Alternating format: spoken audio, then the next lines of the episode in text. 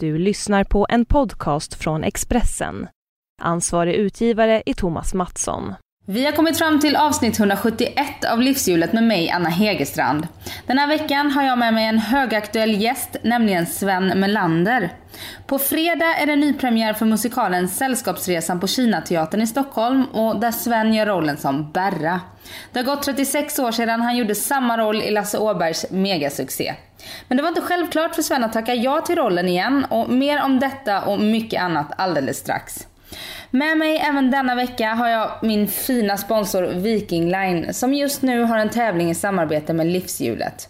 Och du som lyssnar kan vinna en härlig kryssning med Viking Line. Och för att tävla går du in på vikingline.se livshjulet. Och när du tävlar väljer du mellan en nöjeskryssning eller en familjekryssning. Och väljer du nöjeskryssningen så kryssar du och en vän lyxigt med fartyget Cinderella från Stockholm till Åland.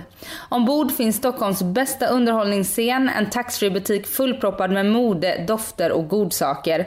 Det finns fantastiska restauranger och såklart ett ljuvligt spa. Och om du hellre vill resa med din familj så är vinsten en familjekryssning till Helsingfors med fartyget Gabriella. Och du har riktigt goda vinstchanser när du går in på vikingline.se livshjulet. Och där berättar du varför du vill vinna en kryssning senast den 13 september. Stort lycka till säger jag. Och mig hittar du på Instagram där jag heter Anna Hegerstrand och jag blir jätteglad om du vill gå in och följa mig där. Och på min blogg delar jag med mig av mitt eget livshjul och bloggen hittar du på expressen.se Anna Hegerstrand. Nu Sven Melanders livshjul, varsågod.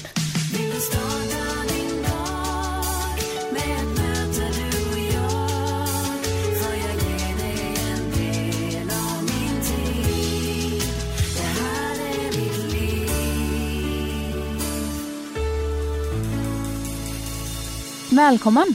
Tack så mycket! Vad kul att ha dig här. Ja, kul att vara här i det här huset som jag inte har varit i på, ja det är väldigt många år. Ja. Jag jobbar ju faktiskt på Expressen 1900, jag var sommarvikarie sommaren 1970 och sen kom jag tillbaka som vikarie eh, 71 januari och var då vikariat fram till april 1972. Jag blev ovän med hela Expressens redaktionsledning. Varför då? ja, det var, vi hade en, eh, vi hade, jag jobbade på Expressen i Malmö. Och eh, hade vikariat då och var väl hyfsat eh, duktig och gick och väntade på att jag skulle få fast anställning. Men eh, så hade vi en chef nere i Malmö som hette Kurt Karlsson. En av de bästa journalister jag har träffat. Han var lite legend i journalistvärlden också. Han blev sen chefredaktör för Sydsvenskan. Och eh, av någon outgrundlig anledning så skulle man omflytta Kurt och ha en ny chef där. Eh, eh ja, det var en komplicerad historia. Och var på då redaktionen i Malmö blev rätt så irriterad. Va? Och då beslöt man sig från Expressens ledning att då kan jag åtala talade tala oss till rätta. Så ner kom chefredaktören Per Wrigstad och verkställande direktören Åke Arsjö och redaktionschefen Olle Petrini och nyhetschefen Knut Granqvist som var verkligen, det var liksom det tunga gardet som kom ner och så hade vi ett möte. Och sen ska man också komma ihåg att det här var alltså 1972 på vintern och det var eh, det var ju liksom mitt under Vietnamkriget och vänstervindarna och jag tillhörde ju då gamla vänstern. Och så förklarade de då sina bevekelsegrunder och så, så reste jag mig upp och sa, ja, sa att det var väl några jävla arbetsköpare eller något liknande pamflettartat. Och efter det så lät de förstå att jag, jag hade inte någon större framtid på Expressen. så att, eh, och det tänkte jag, nej skitsamma, det får ni klara er själv då. Och eh, men så kände Kurt Karlsson, och han kände då redaktionschefen på Aftonbladet i Stockholm. Bengt Nordin. så han ringde till honom och sa att vi har en ung man här som eh, kanske passar bättre på Aftonbladet än på Expressen. Och eh, så fick jag åka upp och så började jag på Aftonbladet den 1 juni 1972. Och eh, jag tror det gick bara två månader sen var jag fastanställd och upplevde min lyckligaste tid.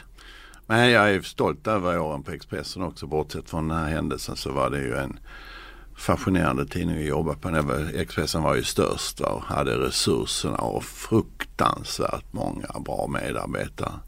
Den tidning som gjordes då, kanske i början på 70-talet, det är möjligtvis den eh, bästa kvällstidning som någonsin har gjorts. Den var en fantastisk blandning av högt och lågt och initierat och bra kultur. Och, ja, bra tidning.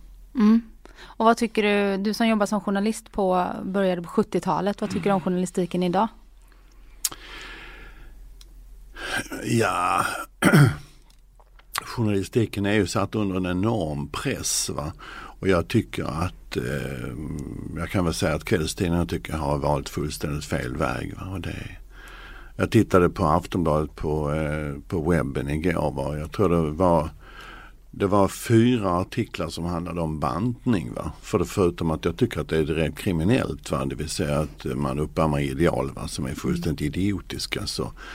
Och det visar sig också. Jag menar, Aftonbladet är ju under 100 000 i pappersupplaga även om de är stora på nätet. Va? Så, så att eh, den typen av journalistik tror jag att den är, den är lite, lite rökt. Alltså det, alltså det, alltså den här klickjournalistiken med titta nu vad som händer med den här jävla pingvinen. Jag menar, fan hade jag varit journalist hade jag skämts alltså sitta och lägga ut sån skit, det måste jag säga. Det, det, är, det är sorgligt va? för att jag undrar liksom vad som ska hända. Det, Samtidigt som vi journalister, för jag tillhör ju faktiskt den kåren, mm, mm. vi ger ju det som läsarna vill ha. Så det är ju det som är lite sorgligt att det är den efterfrågan som finns. Nej, det tycker inte jag. För jag menar det, om, om du skulle ge läsaren vad de vill ha då skulle du ju liksom bara skriva om mord, hår och porr. Va? Eller börja ge ut porrtidningar. För mm. det går ju alldeles utmärkt. Va? Men det är, ju, det är ju inte det som är journalistikens mål. Journalistikens mål det är ju i så fall att ge läsarna det de inte visste att de ville ha. Mm. Och det är journalistiken tillhör det. Alltså journalistiken är grundlagsskyddad. Det är ju den tredje statsmakten. Och det, det står ju ingenstans att, att journalistikens uppgift är att ge folk vad de, vad de vill ha. Det är ju totalt ointressant. Det är som att mata folk med, med gula bananer eller sötsaker hela tiden. Det är helt ointressant. Journalistikens roll det är ju den granskande rollen. Du har liksom den lagstiftande makten, du har den dömande makten och du har den granskande makten. Och den granskningen va, den är ju satt på ett jävla undantag. Mm. Det är ju liksom Tittar man till exempel på Sydsvenskan som också ingår i koncernen då. Va? Jag menar Sydsvenskan var som bäst hade de alltså 400 redaktionella medarbetare. Idag har de 100. Mm. Och jag förstår ju det av ekonomiska skäl. Det, ju, det är inte så svårt att begripa det. Ja. Men eh, det, det, det, du, du får ju liksom ett, ett, ett oerhört journalistiskt underskott. Ju. Och för varje journalist som tjänst som dras in på, på tidningar med resurser så tillkommer det ju någon jävla informatör ju vars enda uppgift är att snacka skit. Jag menar det är ju ingen, det finns väl ingen informatör som jobbar inom kommuner eller landsting eller riksdag eller regering som, som är intresserad av att stå och kritisera sina arbetsgivare. Och därför har vi nu ett samhälle liksom där det står en massa betalda människor, betalda drängar helt enkelt och, och, och ljuger sig eh, blåa. Det värsta exemplet jag har hört överhuvudtaget det var liksom nu i den här helikopteraffären. Där Sjöfartsverket då genom en otrolig massa dribbel, fusk och rena lögner. Alltså köpte, köpte helikoptrar som är totalt oägnade till sin uppgift. Och detta har man då gjort utredningar om. Va? Så såg jag ett uppdrag, då, Uppdrag granskning som hade följt den här affären på ett, på ett skickligt sätt. Och eh, då hade man då fått tala om då eh, deras eh, informationschef eller presschef på, eh, då på, eh, på eh, Sjöfartsverket och så hade de sagt att ja, vi skulle gärna vilja ha ett uttalande om det här. Va? Och så, hade, så sa då den här informatören liksom att, eh, att eh, ja, vi har bestämt att ledningsgrupperna uttalar sig inte då för det är en utredning. Va? Eh, så att, eh, eller då vdn och så vidare. Nähä, så, men du kan kanske säga någonting? Va? Nej, jag ingår i ledningsgruppen. Mm. Du har alltså en informatör som ingår i en ledningsgrupp som fattar ett beslut att de inte ska uttala sig. Alltså informatören får inte uttala sig. Jag menar, hade jag varit den här informatören, jag gått hem och skjutit mig. Det, det är ju liksom, säga att, det, det, är ju liksom att ställa sig upp inför hela folket och säga att om ni aldrig har sett en komplett idiot va, så har ni chansen nu för här är jag. Och det innebär att jag, jag kan säga det här rakt ut utan att jag på något vis begriper vad det är jag säger och vad det innebär för hela min, min arbetssituation. Det är, det är ungefär som att man ska anställa, nu anställer vi här en, en, en människa som ska prata med pressen. Men vi gör ett tillägg att personen får inte prata med pressen. Det är svårt att utföra sitt jobb. Ja, det är, det är väldigt knepigt. Och det, det, det är liksom, ja det, det är så här, nu, vi, har, vi har köpt in eh, ett eh, lok med 14 vagnar. Men ni har ju ingen räls. Nej, det är ju lite tråkigt. Ja. Men eh, så ser, så, ser, så ser livet ut. Och så ser det ut i, i flera avseenden på, på, eh, i vårt samhälle. Och det, det som jag tycker är allra märkligast, inte allra märkligast för det var, det var väldigt märkligt i sig. Men jag tänker liksom att Imorgon kommer ju Expressen eller Aftonbladet ha en stor bild på den här människan och, en, en, och, och tala om att det här är väl det här, är vad vi, det här betalar vi med skattepengar. Den här människan har en lön på säkert 50-60 tusen i månaden och det är av våra skattepengar. Och det väljer vi liksom då att ge Eh, det gör vi inte, vi väljer inte det Nej. utan det väljer de att ge till, en- till en människa som och till ett, eh, ett verk som är som är liksom när det gäller, ja, ja, och när det gäller den, i, i det här fallet uppträder tycker jag på ett djupt odemokratiskt, nästan kriminellt sätt. va. Och det, men eh, det var ingen som brydde sig för då var det väl viktigare att ha eh, någon bild på någon jävla pingvin eller en orm som äter upp någonting eller någonting. Och det kan göra mig väldigt sorgsen. Ja, Punkt. punkt. Men du valde ju att eh, mitt i din journalistiska karriär eh, så valde ju du att också bli underhållare och bland annat då göra lite film. Som du ju är mest känd för. Ja, Hur kanske kom, det. ja. ja, hur kom det sig att du gick från journalistiken in eh, i den branschen? Ja, alltså det är ju som, som allting annat va, så, så är det ju väldigt mycket tillfälligheter. Va? För jag, jag, jag levde med journalistiken och jobbade på Aftonbladet och eh, eh, jag hoppade av ett, ett tag också, var redaktionssekreterare på, på lokalradion, Radio Stockholm. Men eh, under tiden där va, så har man lär känna människor va, och sådär. Och så var det någon som eh, tyckte liksom att ja men det var väl lite, verkar vara en vaken kille. Så att då ringde de från ett program som heter Kvällsöppet som var väldigt populärt på 70-talet. Och så jobbade jag i redaktionen där va, och lärde känna en massa människor där. Och sen så, så kom Åke Cato då som var stor stjärna på Expressen. Men Ja. han bytte till Aftonbladet och där träffade jag Åke Cato och eh, vi, eh, det klickade väldigt bra. Vi hade väldigt, väldigt roligt ihop. Och så gjorde han något tv-program som hette Häpnadsväktaren. Så frågade han, kan inte, kan inte du vara med och spela lite sketcher? Jo, så här kan man vara. Det var ju trevligt liksom sådär. För vi, vi träffades mycket på fester och hade väldigt kul ihop. Ja och sen via honom träffade jag andra människor och via dem träffade jag Lasse Åberg och, och var på fest och hade roligt. Och när det gällde Lasse var det framförallt en fest nere i Skåne på sommaren 1979. Och det var en, det var en, eh, det var en riktigt bra tillställning om man säger så. Det varade i, i tre dagar eller om det var tre veckor. Jag är lite osäker. Det låter blött i alla fall. Ja det var det väl, det var blött. Ja. Det var vackert väder men det var blött. Ja. Och eh, så frågade Lasse, vill du vara med i min nya film? Ja, så här kan det vara. Så var jag det. Och eh, ja. Men sen efter gick jag tillbaka till Aftonbladet och jobbade där igen. Va? Som, ja, jobbade, eh, slet på och jobbade skift. Och, och sen plötsligt kom det då att man skulle göra ett underhållningsprogram. Och man skulle testa programledaren. Och då hade jag jobbat ihop med några människor under kvällsöppet. Så var det någon som kom ihåg det och sa, vi kan väl ringa honom, han kan väl prova honom. Så gjorde de det. Och sen blev det då Nöjesmaskinen med Stina Lundberg. Mm, precis. Och det var ju det stora genombrottet. Alltså filmen var inget genombrott. Det var ju det var ju många som såg den och tyckte det var trevligt men det var ingen som visste vem jag var. De tyckte väl kanske, ja det, var, det verkar vara en ball kille den här, lite, han blev lite kult va. Mm. Men eh, det var inte nöjesmaskinen sen. Det, alltså tv har en helt annan genomslagskraft när det gäller omedelbarheten. Och där small det till riktigt. Och sen började folk långsamt att koppla ihop Mm. Nöjesmaskingubben med den här. Va? Och då liksom började, aha, då är det han. Mm. Och sen var det, sen var det förstört.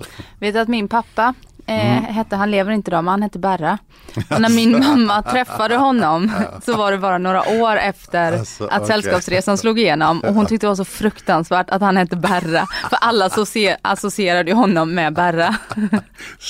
Stackarn. ja, ja. Berra hem, Berra. Ja, jag vet det. Vi, vi hade också, jag gjorde en figur som hette Steve som hade en Lloyd. Va? Ja, just Och det. han berättade mycket om sin fru som hette Berit. Hon kallades för Beirut för hon var så väldigt bombad. Ja, just det. Oerhört töntigt. Va? Och det var många som hette Berit som fick lida för detta. Ja. Det är tråkigt. Och nu så är det, hur många år sedan är det? Det är 35 år sedan. 36 år sedan det sedan vi gjorde filmen. Den hade faktiskt, eh, eh, beroende på när det här sänds, men måndagen den 22 augusti som nu var i veckan. Då var det eh, på dagen 36 år sedan filmen hade premiär i Stockholm. Och nu eh, cashar du fortfarande in på den. ja, var någon outgrundlig anledning håller jag på säga, men det är inte, ja. Det var ju väldigt, det var prat ju länge att man skulle göra en musikal av filmen. Och, men det höll på och höll på och höll på och det blev ingenting och ingen ville satsa. Och Bengt Palmer som skrev originalmusiken var ju väldigt sugen.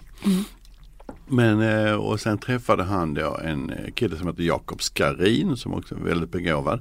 Han är brorsa till Ola Salo förresten. Och eh, de satte igång och skriva det och, och göra färdigt och frå. Och så fick de kontakt med en producent i Malmö som heter Julius Malmström. Och han sa, ja men det är klart vi ska göra det här. Och plötsligt då så var det på, så var det på plats att det blev en musikal. Som hade premiär då eh, i, för eh, knappt ett år sedan i Malmö och spelade sen i Malmö under, under höst, vinter och vår. Och som nu ska upp i Stockholm. Men det var inte självklart för dig att tacka ja till att Nej. spela Berra igen. Nej, det var det inte. Det, alltså det, det, är ju väldigt, det är ju väldigt, väldigt länge sedan. Och jag, alltså jag, jag, jag har ju aldrig varit mycket för det här med att göra återupprepa och göra gamla grejer. Utan när man har gjort någonting så är det bra med det. Va? Sen, gör man, sen vill man göra någonting nytt. Va? Jag är rätt så sugen på det, något som jag inte har gjort. Men när det här budet kom va, så är det klart att jag funderade på det ordentligt. Och jag förstod ju också ur producentsynvinkel att det hade varit väldigt bra för mig med. För det är klart att det är journalistiskt intressant att det är någon från, från den riktiga filmen som är med. Du sitter ju här nu. Ja, precis. och, och eh, så det förstår jag. Men så jag sa det och jag var väldigt tveksam. Jag, hade två grejer. Jag sa, jag vill höra musiken. Va? För jag tycker ändå det är det absolut viktigaste. Så en musikal med dålig musik. Va? Det, Nej, det är inget det, bra. Nej, det, det är lite tråkigt måste jag säga. Inte ens en film som Sällskapsresan kan bära det. Nej. Och sen så pratade jag, träffade jag Lasse Åberg och frågade så sa jag, fan tycker du inte att det är lite patetiskt 35 år senare att göra det här va? Och Lasse han är ju väldigt vänlig och trevlig att titta med sen, nej, vad fan, du ser ju likadan ut. så, ja, Okej då, då gör jag det. Och det, Ja. var, det är jag väldigt tacksam för. För det är ju, Det var inte så att du ställde liksom så här ett motkrav att då måste du spela Stig-Helmer? Nej det gjorde jag faktiskt inte. Det, är- det är klart jag var väldigt nyfiken på vilka, jag visste ju inte det vilka som skulle vara. Va? Men sen blev det ju det och Ankan, uh, Johans, Anders Johansson. Och det var ju ett fantastiskt bra val. Han är helt lysande. Han gör det, han är Stig-Helmer fast han är en egen Stig-Helmer. Va? Du känner igen allting men det är inte Lasse Åberg. Va? Och det, det, är, det är väldigt det var väldigt modigt tycker jag av honom att göra det. Va? Och han gör det otroligt bra. Alltså det Sen är är- stora skor att fylla. Ja det är det. Alltså det, det är därför att det är, alla har ju en bild. va. Och sen tjejerna är också bra. Det. Och Frida Berg och Nina Pressing är också eh, oerhört bra. I, för de, de sjunger ju helt fantastiskt. Det, det kan man ju inte säga om Ankan och mig. Men vi, vi, vi sjunger rent i alla fall. Och sen då eh, Hans-Erik som norrman är också. Eh, han är ju så otroligt gullig människa. Har väldigt, jag tycker det är, det, det är för jävla roligt. Det- Dels väcker det en massa minnen. Va? Och sen är det ju, alltså det är så kul det här med jobb. Man träffar unga människor, en del i början av sin karriär och andra är ju rätt etablerade. Vi har, vi har oerhört roligt ihop. Mm. Så att, eh, nej det är, det är väldigt kul. Och då undrar jag, för det här programmet sänds eh, onsdagen innan premiären Mm. och jag ska gå på premiären. Ja, och se fram emot det såklart. Ja, är Ja. väldigt välkommen. Och då undrar jag så här, eh, det är ändå ett par veckor kvar nu innan Ja. vi spelar in. Det är ju otroligt högt tempo med musikal. Jag har ju träffat många musikalstjärnor och de jobbar ju intensivt liksom. Hur funkar? Jag hör inte till dem. Nej det är så. Nej jag undrar hur, hur funkar det? För det är Ja, men ofta det- unga ja, ja, människor i... Ja, ja, ja. Men det är, det är ofta så att, det, vi- ja, jag begriper inte heller hur de gör. De dansar ju i 180 samtidigt som de sjunger. Och det är ju helt, för mig är det helt obegripligt liksom. För, alltså, tar jag mer än fyra steg och sjunger samtidigt så, så får jag ju slut på luften. Ja, så. Så att ja, nej, jag är, rör mig i ett, eh, Berra och Robban rör sig i ett mycket bekvämt tempo. Ja, det- det, det är väldigt lite, vi har lite dans på slutet, men då slipper vi sjunga.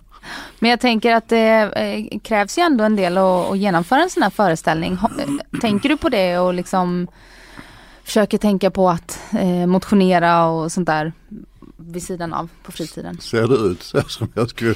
Nej, det, Det var du som sa det.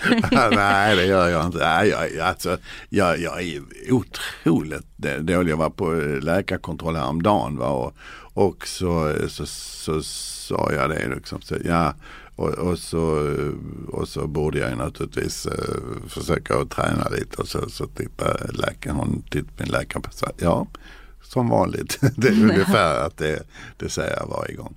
Ja, nu är det nog, eh, jag märker att nu är det lite på upphällningen att nu antingen måste jag för nu, det går liksom inte längre nu. Man, man, någonstans lever man ju på en, eh, länge lever man ju på en oerhörd grundkondition. Eller, jag var ju idrottsman när jag var ung och det, det är klart att det, det hänger i och, man, och jag tycker ändå att jag orkar.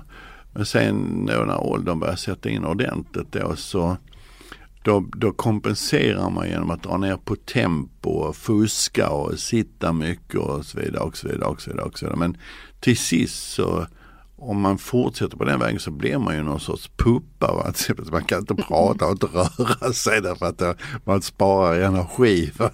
Och det, till slut är det så här, ja, nu sitter jag alldeles stilla så jag, jag bara har med en kalori i timmen. Och, och det är ju ingen framkomlig väg om man ska leva samtidigt. Va? Så att nu, nu, nu, ska jag, nej, nu ska jag köra igång. Ja, du vet att fysisk inaktivitet är lika farligt som att, att röka. Ja, ja, ja. Jag har ju tur med att ha slutat röka i alla fall. Ja det brukar jag, för jag rökte innan och min kille Ah, ah. hatade det. Nu gör jag inte det längre Ah, men, nej. men han är väldigt fysiskt inaktiv. Så det sa jag alltid när han gnällde på mig så Ja, kunde jag säga ja. det tillbaka Så liksom. kontrar du, ja men det är bra. Ja, ja, ja. Och nu har jag slutat röka men han sitter fortfarande på sin på Ja, sitt arsle. Ja, ja, och rör sig inte. Nej. Men, men för några år sedan, eh, det är väl ganska länge sedan nu, men då gick du ner ganska mycket vikt. Ja det gjorde jag. Fick ett ryck där. Jag träffade, eh, eh, träffade en läkare som sa att man, det, du kan ju få hjälp i alla fall med det. Så fick jag hjälp med det och då gick jag ner. Jag gick väl ner drygt 20 kilo på väldigt kort tid. Och, eh, och det var väldigt skönt. Då var jag väldigt glad. Då sa jag nu i princip jag ska aldrig mer eh, gå upp så mycket i vikt. Som, eh, och sen så ja, sen går tiden liksom och så börjar man lite sådär va. Det, det, man ska inte skylla på saker för det tycker jag är väldigt töntigt. Men jag kan ju förklara. För att min bror blev väldigt, väldigt sjuk och, det, och väldigt fort och, och, eh, och dog. Och det var, eh, då, där tappade jag liksom väldigt mycket fotfäste. Och då, då brydde jag mig inte längre. Och sen liksom var det på något sätt lite förlorat. Så att, eh, men det, det var väl det att den snabba viktminskningen skulle kanske inte bestå. Det var väl bestämt så. så att Jag tror man för nästa gång, för nu den här gången får jag göra det på ett smartare sätt. Ja, för jag tänker, du har ju också haft problem med hjärtat och opererat dig för det. Ehm, eh, att, att motionera och sådär är ju, är ju bra för kroppen. Tänker du ingenting så?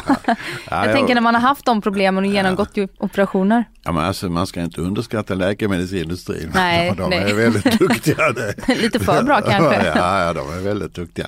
Nej, alltså det, ja, det är klart att det är bra att röra på sig. Det är oerhört bra att röra på sig. Så samtidigt så Alltså jag, jag, vet inte, det, det låter kanske både cyniskt eller, eller, eller korkat men Alltså det, det är väl någon sorts fatalistiskt synsätt. Och jag, ibland så kan jag acceptera att så, så, här har du gjort Sven, så här har du levt ditt liv. Så här, det är de val du har gjort. Va? Och det finns ju ingen anledning att jag ska förutom då ha dåligt flås va? och om jag är lite halvtaskigt så så det blir ju inte bättre för att jag liksom ska gå liksom och späka mig själv eller anklaga mig själv eller vara ledsen eller arg för vad jag har gjort eller inte har gjort. Det, det tycker jag är, verkar ju en väldigt mm. knepig väg.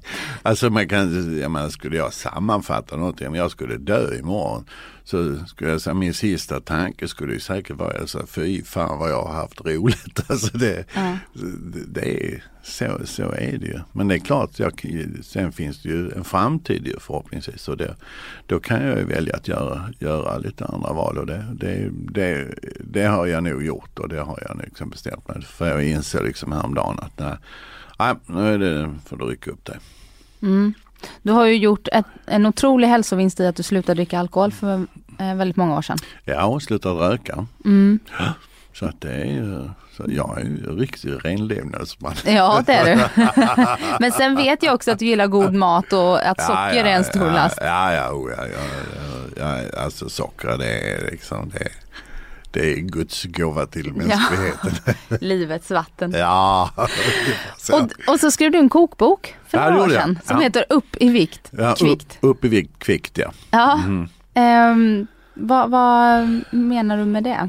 Ja, det, det är också en lite eh, stor det började med att jag var med i ett program som hette eh, En clown till kaffet med bland annat Felix Herngren och, och eh, Robert och ja, ja, en massa Annika Andersson. Det var ett bra gäng komiker. Mm. Och eh, så hade man sin dag. Så, så frågade Felix Herngren en dag så sa han, eh, du, du har inte gett ut en kokbok och det är med tanke på Werner och Werner som jag gjorde med Åke Cato. Mm. Och eh, jag garvar lite för det egentligen är det så liksom, om du har sett Werner och Werner så är det ju det fanta med den sista frågan du skulle ställa. ja. Då ska man ju se för att ställa negerat, det vill säga du har väl inte gett ut någon kokbok ungefär.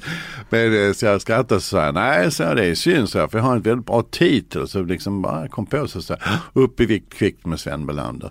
Och naturligtvis så, det ligger ju någonting bakom va. Och det är ju egentligen, jag var inne på det tidigare, det här med Eh, Eh, den bantningshysterin. Va? Eh, alltså att man eh, att vi, vi ska tvingas in i en väldigt förljugen värld. Va? Och jag tycker faktiskt att den Alltså så den symbios som finns mellan vissa läkare, en massa korkade bloggare va? Och, dieti- och, och hjärtlösa dietister och in i helvete cyniska kvällstidningsmänniskor. Det vill säga att man driver det här att man ska se ut på ett visst vis. Va? Nu gäller det att hitta bikinilinjen och nu gäller det att se ut så och så. Och så går du ner tre kilo och så vidare. Samtidigt som vi då vet va? Att väldigt många unga flickor och även pojkar naturligtvis då har, alltså drabbas av, av grava ätstörningar. Och det är faktiskt så att det grava ätstörningar, det är ju en dödlig sjukdom. Det är ju mm. folk som dör av det här. Va? Jag har haft anorexi ja. så jag har sett det på nära håll. Då vet du ju mm. precis av, av, av det här fullständiga idiotin alltså. Och dessutom med rena lögner och journalistiska haverier. Alltså så går du ner tre kilo på en vecka. Flygvärdinnebantning. Alltså, ja, ja, alltså fortfarande så här, så här, det är ju det är en skam för journalistkåren att sitta och skriva sånt skit.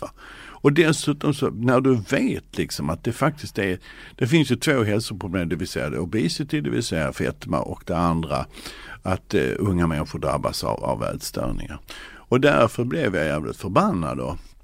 Just i det finns ju det här eh, upp i kvickt. Jag tycker liksom eh, det, det, när man läser tidningar ibland så verkar det som att man alltså man äter mat för att bli smal. Det gör man inte alls. Man äter mat för att man ska överleva. Och du blir inte tjock av mat. Du blir tjock av för mycket mat eller av fel mat eller så vidare. Och sen ska man äta, ät mycket av det och lite av det och mycket av det och mycket av det. Och det är ADHD-metoden och det är BGHD-metoden och det är det. det. Och, och, alltihopa bygger ju bara på att folk ska sälja böcker och att folk ska luras in i stenåldersdieten. Vad fan ska vi äta stenåldersdiet när vi lever i ett högteknologiskt samhälle där du vet exakt hur allting fungerar. Och det enda som du vet fungerar det är det att stoppar du i dig ett visst antal kategorier och gör av med lika många eller visst, kalorier mm. så, så, så, är, så, så är det status quo. Mm. Stoppar du in dig mer än vad du gör av med så går du upp i vikt. Jag menar svårare än så är det inte. Och det är faktiskt en undertryckt oerhörd ilska över, över att eh, detta, denna manipulation, att man manipulerar bilder på modeller och jag, jag, jag tycker det är liksom som om det finns en lag. Va? Om du är tjej och är 1,75 lång och väger 90 kilo då får du inte ha bikini. Vem fan har bestämt det? Det kan väl klart man får ha. Det, det, det är liksom någon sorts eh, normalitetens förtryck. Det, jag, tycker det är, jag tycker det är sorgligt. Mm. Är det den här ilskan över mycket i samhället som har gjort att du har startat den här Facebook-sidan i huvudet på Sven Melander? Ja, det är det väl. Ja, man kan säga det att jag, jag har ju väldigt jag har, ju, jag har mina kvällstidningsår att tacka för mycket. Mm. Och eh, det började helt enkelt, det började på ett annat sätt. Eh, jag, jag träffade ett litet eh, produktionsbolag som heter Rakflygaren och ett helt annat projekt. Va? Men så satt vi där och snackade och sen så kom vi väl prata om någonting allmänt samhällsfenomen. Och så eh, tog jag fram då den här vanliga motorsågen, den cyniska motorsågen som är väldigt vanligt förekommande på kvällstidningar. Mm. Och så sågade jag någonting då och så, och så skrattade de och tyckte att det var väldigt roligt. Och frågade, kan vi inte bara filma det här? Jo, så kan vi göra. Och så började, sen började det. Och eh, så det är högt och lågt. Va? Och mm. Stundtals har det blivit ett, ett oerhört genomslag som jag inte riktigt förstår. Ja det var några veckor sedan nu med Sara Larsson ja. och det är väl uppe i nästan fyra miljoner visningar ja, nu. Ja, alltså det, det var ju, ja, jag, jag begrep faktiskt inget. Alltså det är otroligt fascinerande som gammal journalist att se plötsligt upp, jag hade alltså inte Facebook innan. Jag jag har varit, inte alls varit aktiv i, inom sånt.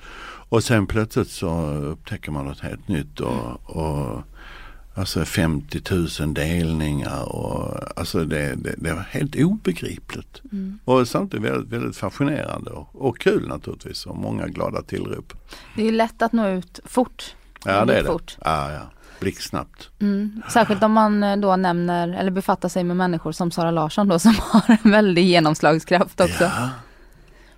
Det, för mig var hela den, hela den debatten var ju, det var ju därför jag gjorde det. För jag tänkte liksom, mm. hur, hur fan kan det här handla om Sara Larsson? Ja. Det, det, det är ju, alltså världen är ju Världen är förunderlig måste jag erkänna och människor är förunderliga. Och vissa män är väldigt förunderliga måste jag erkänna. Mm. Mm. Så var det. Ja, um, du uh, har ju tre barn. Ja, det har jag. Mm, barnbarn? Mm. Nej, det är på gång. Så får vi se. Alltså det är på gång? Ja, med mm. barnbarn ja. ja. ja. Spännande. Ja, det ska bli uh, oerhört fascinerande. Jag har liksom inte uh, alla säger liksom att barn, oh, det är så roligt, då har du äntligen tid och så här.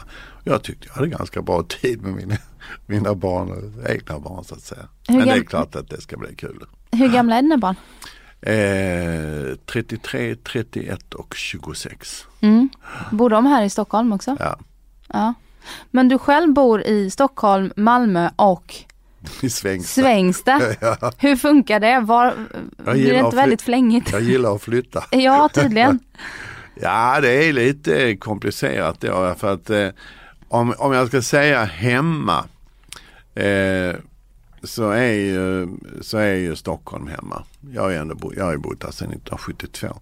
Men man kan ju också säga att de sista 20 åren i stort sett har jag jobbat väldigt mycket nere i Malmö. Både med tv och teater. Och det innebär att jag har skaffat lägenhet nere i, i Malmö. Så att, och det är min gamla, jag är ju född eh, i Malmö. Mm. Så det är ju min gamla hemstad så att säga. Så att jag har ju tillbringat väldigt mycket tid i Malmö. Och sen så eh, träffade jag en eh, tjej, Alice, som nu är min sambo. Och hon har då, hon är bördig från Blekinge, va? så hon har ett ställe uppe i, i Svängsta. Som vid Mörrums, den vackra Mörrumsån. Och så där eh, tillbringar vi en del tid. Framförallt sommartid.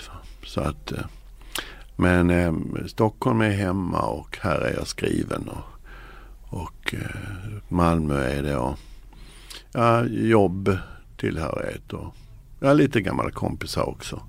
Och Sängsta är väl då kanske mer sommarställe. Ja, så det är där ni har tillbringat sommaren nu då? Ja, delvis. Jag har ju spelat operett nere i Ystad tillsammans med Rickard Söderberg bland annat. Mm. Så jag har varit i Ystad en del också. Så jag mm. jobbar ju hela tiden. Ja, du gör ju det. Ja. Och du fyller 69 nu i oktober. Ja, det gör jag. Du, äh, pensionen, plockar du ut pension? Ja, ja, ja, det är klart jag gör. Ja, du gör det? Ja, ja, ja. ja. Får man göra det samtidigt som man jobbar?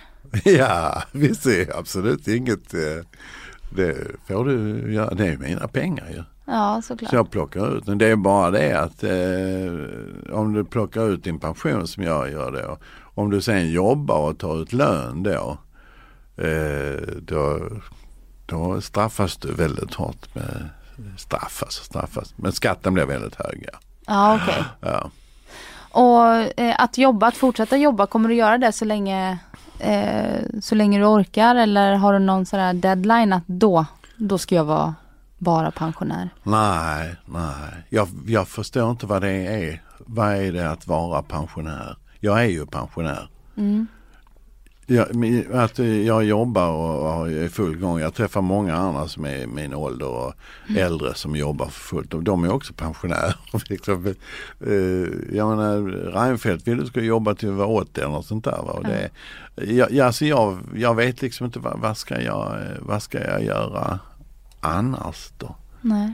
Alltså eh, jag, jag tycker jag är ledig tillräckligt mycket och kanske Ja, ibland, det, vissa perioder är det så att jag känner att nej, men jag skulle, vara, skulle tagit mycket mer ledigt eller sådär. Men när man är inne i det och det kommer roliga projekt. Va? För det är, ju, det är ju det som är glädjen i mitt liv. När man, man kopplas in på ett nytt projekt. Jag för, då för ett år sedan så ringde Rika Söderberg så han ville vara med och spela operett. Jag tänkte, operett, herregud jag är liksom ingen sån sångare. Ah, men det kommer att gå bra, vet du. det är inte så mycket du ska sjunga utan det.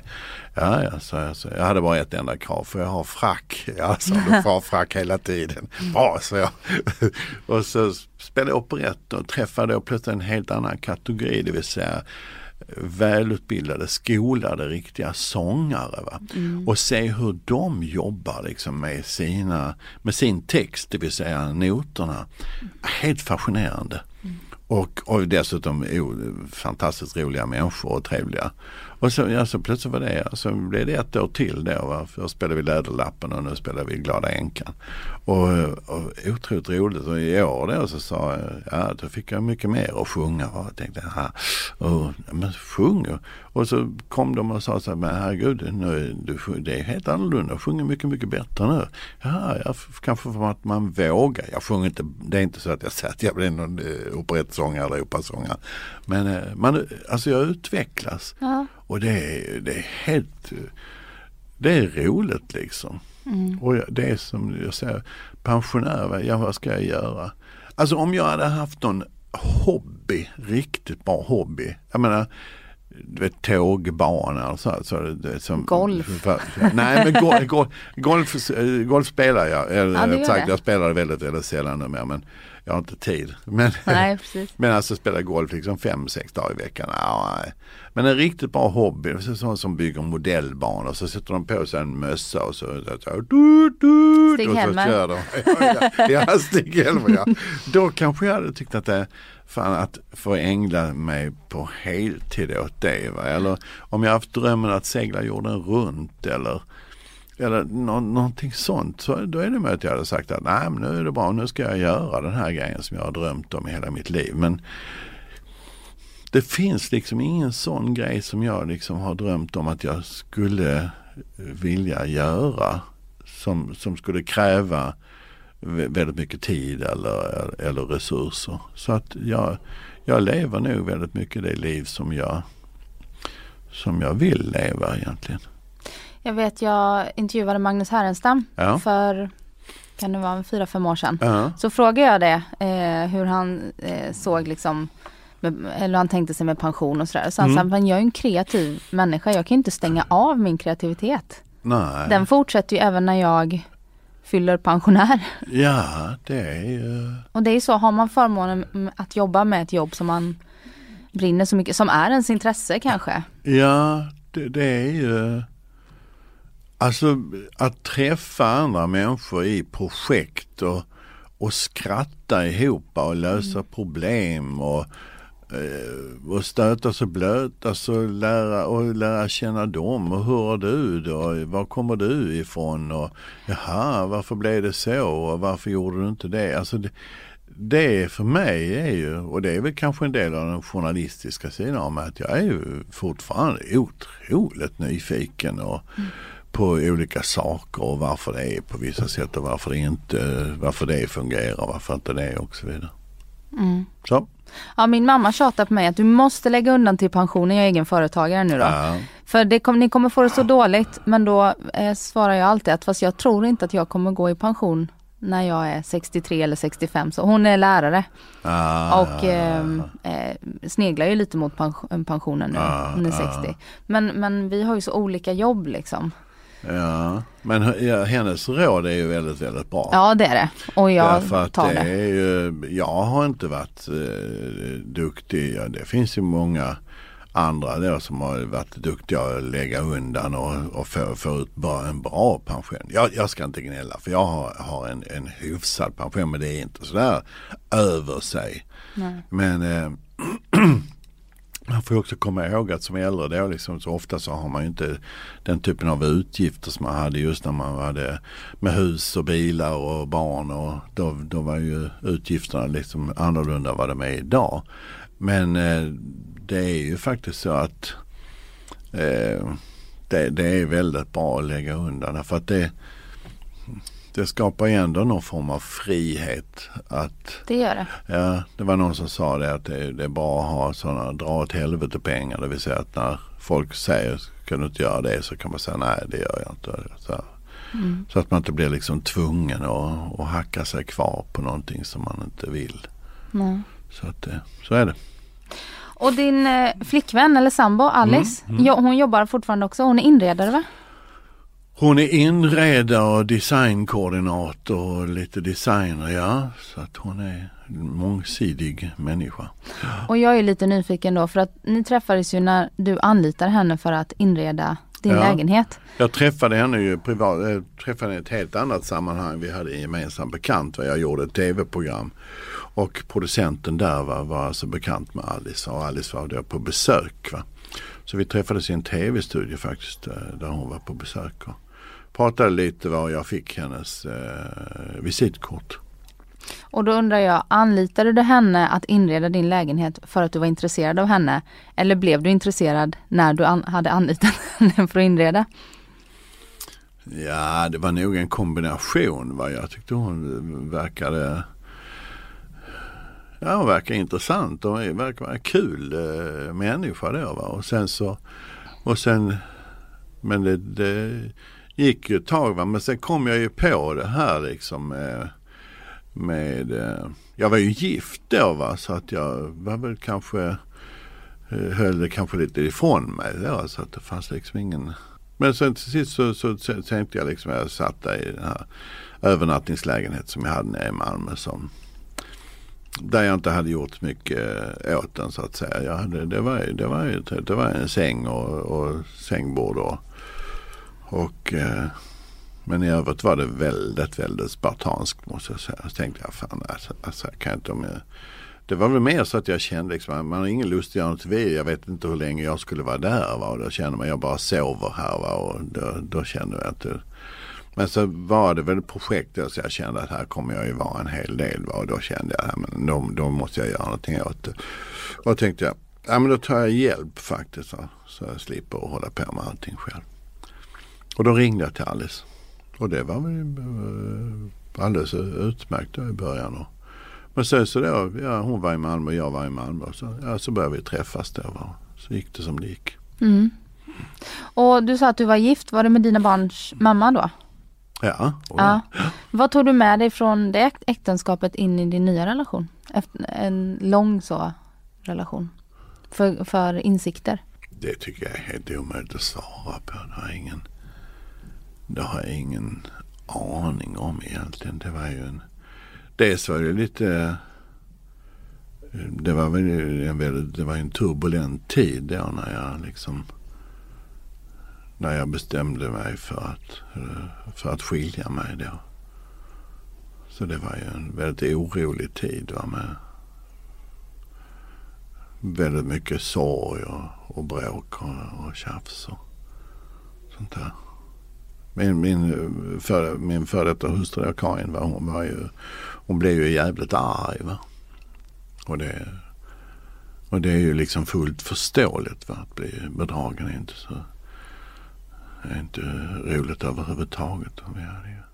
Nu har vi idag en, eh, en väldigt, väldigt bra relation. Va? det. det är jag ju oerhört tacksam för. För att det är ju, eh, hon är ju liksom en av de bästa människor jag har träffat i mitt liv. Men vi var gifta i nästan 30 år. Har tre mm. barn ihop. Och det är klart att hon har varit oerhört viktig i mitt liv. Det är ju en sån stor del av mitt, det är ju nästan hela mitt vuxna liv så har jag ju varit med Karin. Mm. Och eh, så det, det, det, är jag ju djupt, djupt tacksam för. Men så är det också så att livet ser ju ut så ibland. Va? Liksom att kärleken tar slut va? och man står där som ett jävla fån. Och någonstans så tror jag ju ändå att hur fjantigt den låter så tror man ju nog ändå på livslång kärlek och vi ska bli gamla ihop och, och sen plötsligt så händer någonting då. Och, ja, det är en knepig situation. Men som sagt, eh, idag är det ju eh, är det bra. Mm. Ja, och även om det är chockande samtidigt får man tänka att jag tror i alla fall bara på att vi har ett liv man har ett liv och att försöka göra det mesta man kan ja. av det. Vi har i alla fall bara ett liv i taget. Ja, precis. Vad tror du på? Uh, ja, jag tror på människans inneboende godhet. Mm. uh, även om jag uh, tvivlar kraftigt många gånger. så att uh, någonstans så tror jag att det goda ska segra. Eh, men eh, som sagt det ser ju mörkt ut då och då, det måste jag erkänna. Men i övrigt så är jag inte eh, troende på det sättet att jag att man kommer att man kommer till himlen eller, eller att det när det är slut så är det slut. Jag menar innan jag fanns så fanns det ju ingen, var, var ju ingen vän där ju. Mm. Och när jag är borta så är det, så är det borta igen. Ju.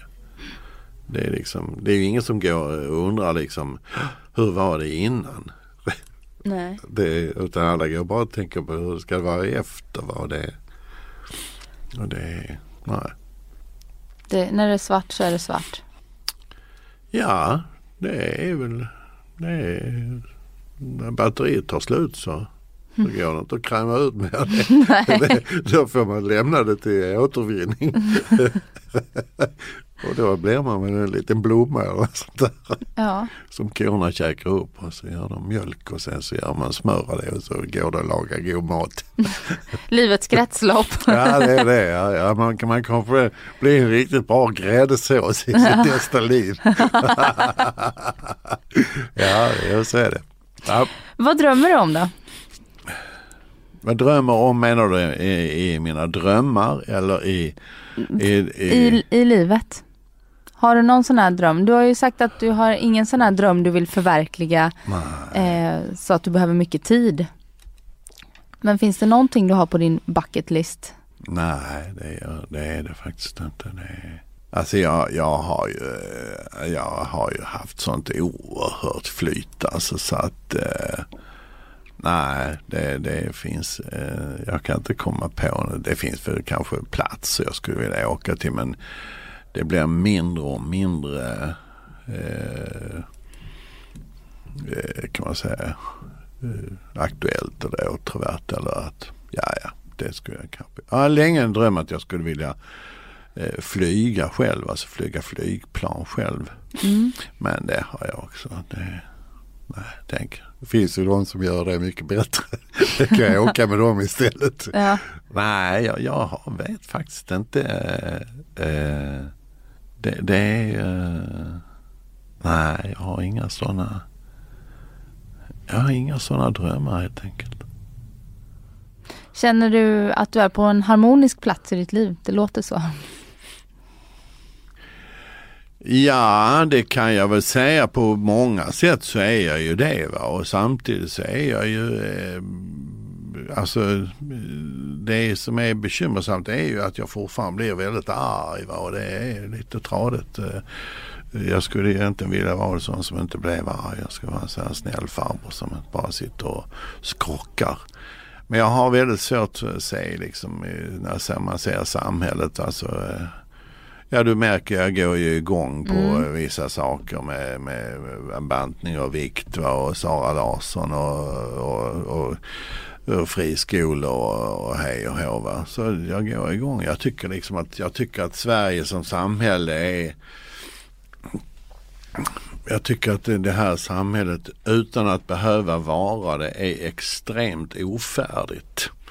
Och jag tror, tycker att det är otroligt ofärdigt av, eh, av taktiska, tekniska, ekonomiska skäl. Va? Att eh, det finns en, eh, en vi lever i ett samhälle med en extrem brist på ideologiska övertygelser och ideologisk fasthet och en, och en att följa någon sorts utstakad väg utan jag tycker att de flesta partier alltså de är ju som eh, raglande fyllon va, i sin jakt efter att hitta väljargrupper och säga det men inte säga det och försöka tillfredsställa den och, men inte den. Va.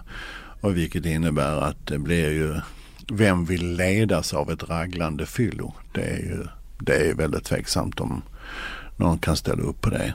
Jag skulle önska att eh, jag skulle önska liksom att man att man var väldigt tydlig med att det man egentligen tyckte och stod fast för det och att det då innebär att du då och då kommer du alltså att förlora folks röst och det får du då räkna med. Så är det ju. Det är, så är, tycker jag livet är. Alltså att har du någon sorts moral eller någon sorts ledstjärna så, så får du säga det och då innebär det att då innebär det att då, då blir det vissa konsekvenser. Jag menar som när jag reste mig upp på, eh, inför Expressens ledning som jag visste var de kanske fyra, fem mäktigaste mediepersonerna i Sverige bortsett från ägarna.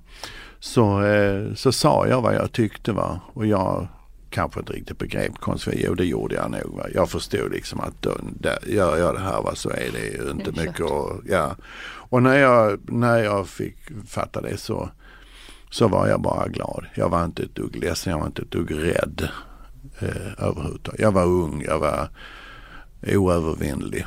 Jag tänkte vad fan det är redo så Jag kan inte börja jag kan inte börja jobba i hamnen eller jag kan göra vad som helst. Jag är frisk. Det var viktigare för dig att få säga Ja, det, ja, ja, ja, ja, det var mycket, mycket, mycket viktigare. Och det var lika, jag, jag jobbade på eh, faktiskt var likadant på Radio Stockholm då. Va? Jag var ju redaktionssekreterare där. Va? där inträffade också en sak liksom, som utmanade. Jag sa liksom, nu gör vi så här. Va? Och så sa det och reportern, nej det tycker inte jag. Nej men, så, men Eh, nu gör vi så. Eh, ja men varför det? Ja, men så, därför att jag tycker då att jag är chef. Så därför gör vi så som jag säger. Ja men det tycker inte jag, så han. Nej men så här, det är ganska ointressant eftersom vi har ju två oförenliga åsikter. Alltså är det min som gäller eftersom jag är chef. Det är ju det som det, det handlar om. Och sen eh, var det en situation där det var en sändning va? och han gjorde som han ville i alla fall. Va? Och eh, då, eh, då gick jag därifrån och så satt jag mig vid skrivmaskinen och skrev jag nu, nu så slutar jag här med omedelbart. Sen gick jag därifrån eh, kvart över tolv en dag. Och eh, Kom inte tillbaka? Aldrig. Nej, de ringde och sa men ja, det här får vi prata om aldrig i livet. Så dit går jag aldrig mer. Och det gjorde jag inte. Jag hade inget jobb eller någonting. Det var bara så. Då, då hade jag, det enda jag hade då var att jag skulle göra filmen Sällskapsresan. Ja. Det var det enda jag hade på kontrakt på då. Och det här var i november 1979. Och sen började vi filma i januari 1980. Du ser, när en dörr stängs så öppnas en annan. Så är det ju någonstans om du inte eh, Sen är det klart att det är vissa beslut jag har tagit som inte har varit lika lyckliga. Men, men i det fallet så, så tycker jag liksom det, där gick det mig där såg jag inte, man kan tycka liksom, ja men han gjorde det, så kan ni väl prata om det efteråt och sen får ni reda ut det. Alltså det går, det går, ju aldrig, det går ju aldrig att reda ut. Antingen är det ju så liksom att jag har inga problem att två människor tycker olika. Det, det, är ju liksom, det är fullständigt självklart för mig att det är så. Men när det är två oförenliga åsikter så är det ju så att då måste ju en åsikt gälla mm. i, i ett läge där det, nu, nu måste vi fatta ett beslut. Och om du inte då kan rösta eller om det är två människor så måste man ju då säga att okej, okay, om, om om båda två vägrar inse att den andras åsikt är meritmässigt tyngre eller mer värdefull. Och det gjorde ingen av oss. Det var liksom bara, jag förstod att han hävdade det och jag tyckte att han hävdade det bra men han hade fel. Mm. Och han tyckte att jag hade fel. Men eftersom jag är chef så tycker jag att då bestämmer jag att jag, min, mina meriter är, är höga. Det är därför jag är chef. Mm. Och eh, för mig finns det finns liksom ingen väg tillbaka i, i det utan då, då är det liksom då lever du i en miljö som, som jag inte vill vara i. Mm. Nästa gång så handlar det om någonting annat. Jaha. Och då, bara, där vill inte jag vara. Nej. Sven, tack så jättemycket för att du kom hit och gästade mig. Tack så hemskt mycket, det var väldigt, väldigt trevligt att vara här. Ja, jättetrevligt att ha dig här och lycka till nu i höst på Kinateatern. Det kan vi behöva. Ja, det är så. Det ska bli jättetrevligt. Ni har fortfarande ja. några veckor att sätta allt det tekniska och, ja, ja. och det här. Och jag ser fram emot att se den. Och sen så kan vi säga till lyssnarna att eh, följa dig på Facebook, tycker jag. För eh, massa sanningar. Ja, mycket välkomna. ja, men du har inga andra sociala medier? Nej, det finns väl på eh, Youtube också finns det väl en Youtube-kanal. Ja. Men annars så är det Annars är det tomt. Annars är det tomt. ja, ja. Har du nu jag bra? Har en hemsida. Ja. ja eh, Sven Melander i ett ord. Svenmelander.se.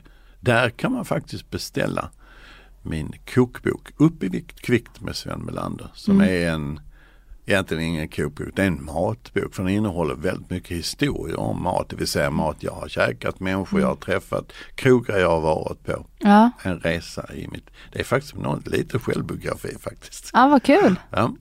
Och för, för er som eh, vågar vägra bantningshysterin, upp i vikt kvickt, svenmelander.se. Ja, ja, Bra, ha det bra nu. tack så hemskt mycket. Hej. Tack. Hej.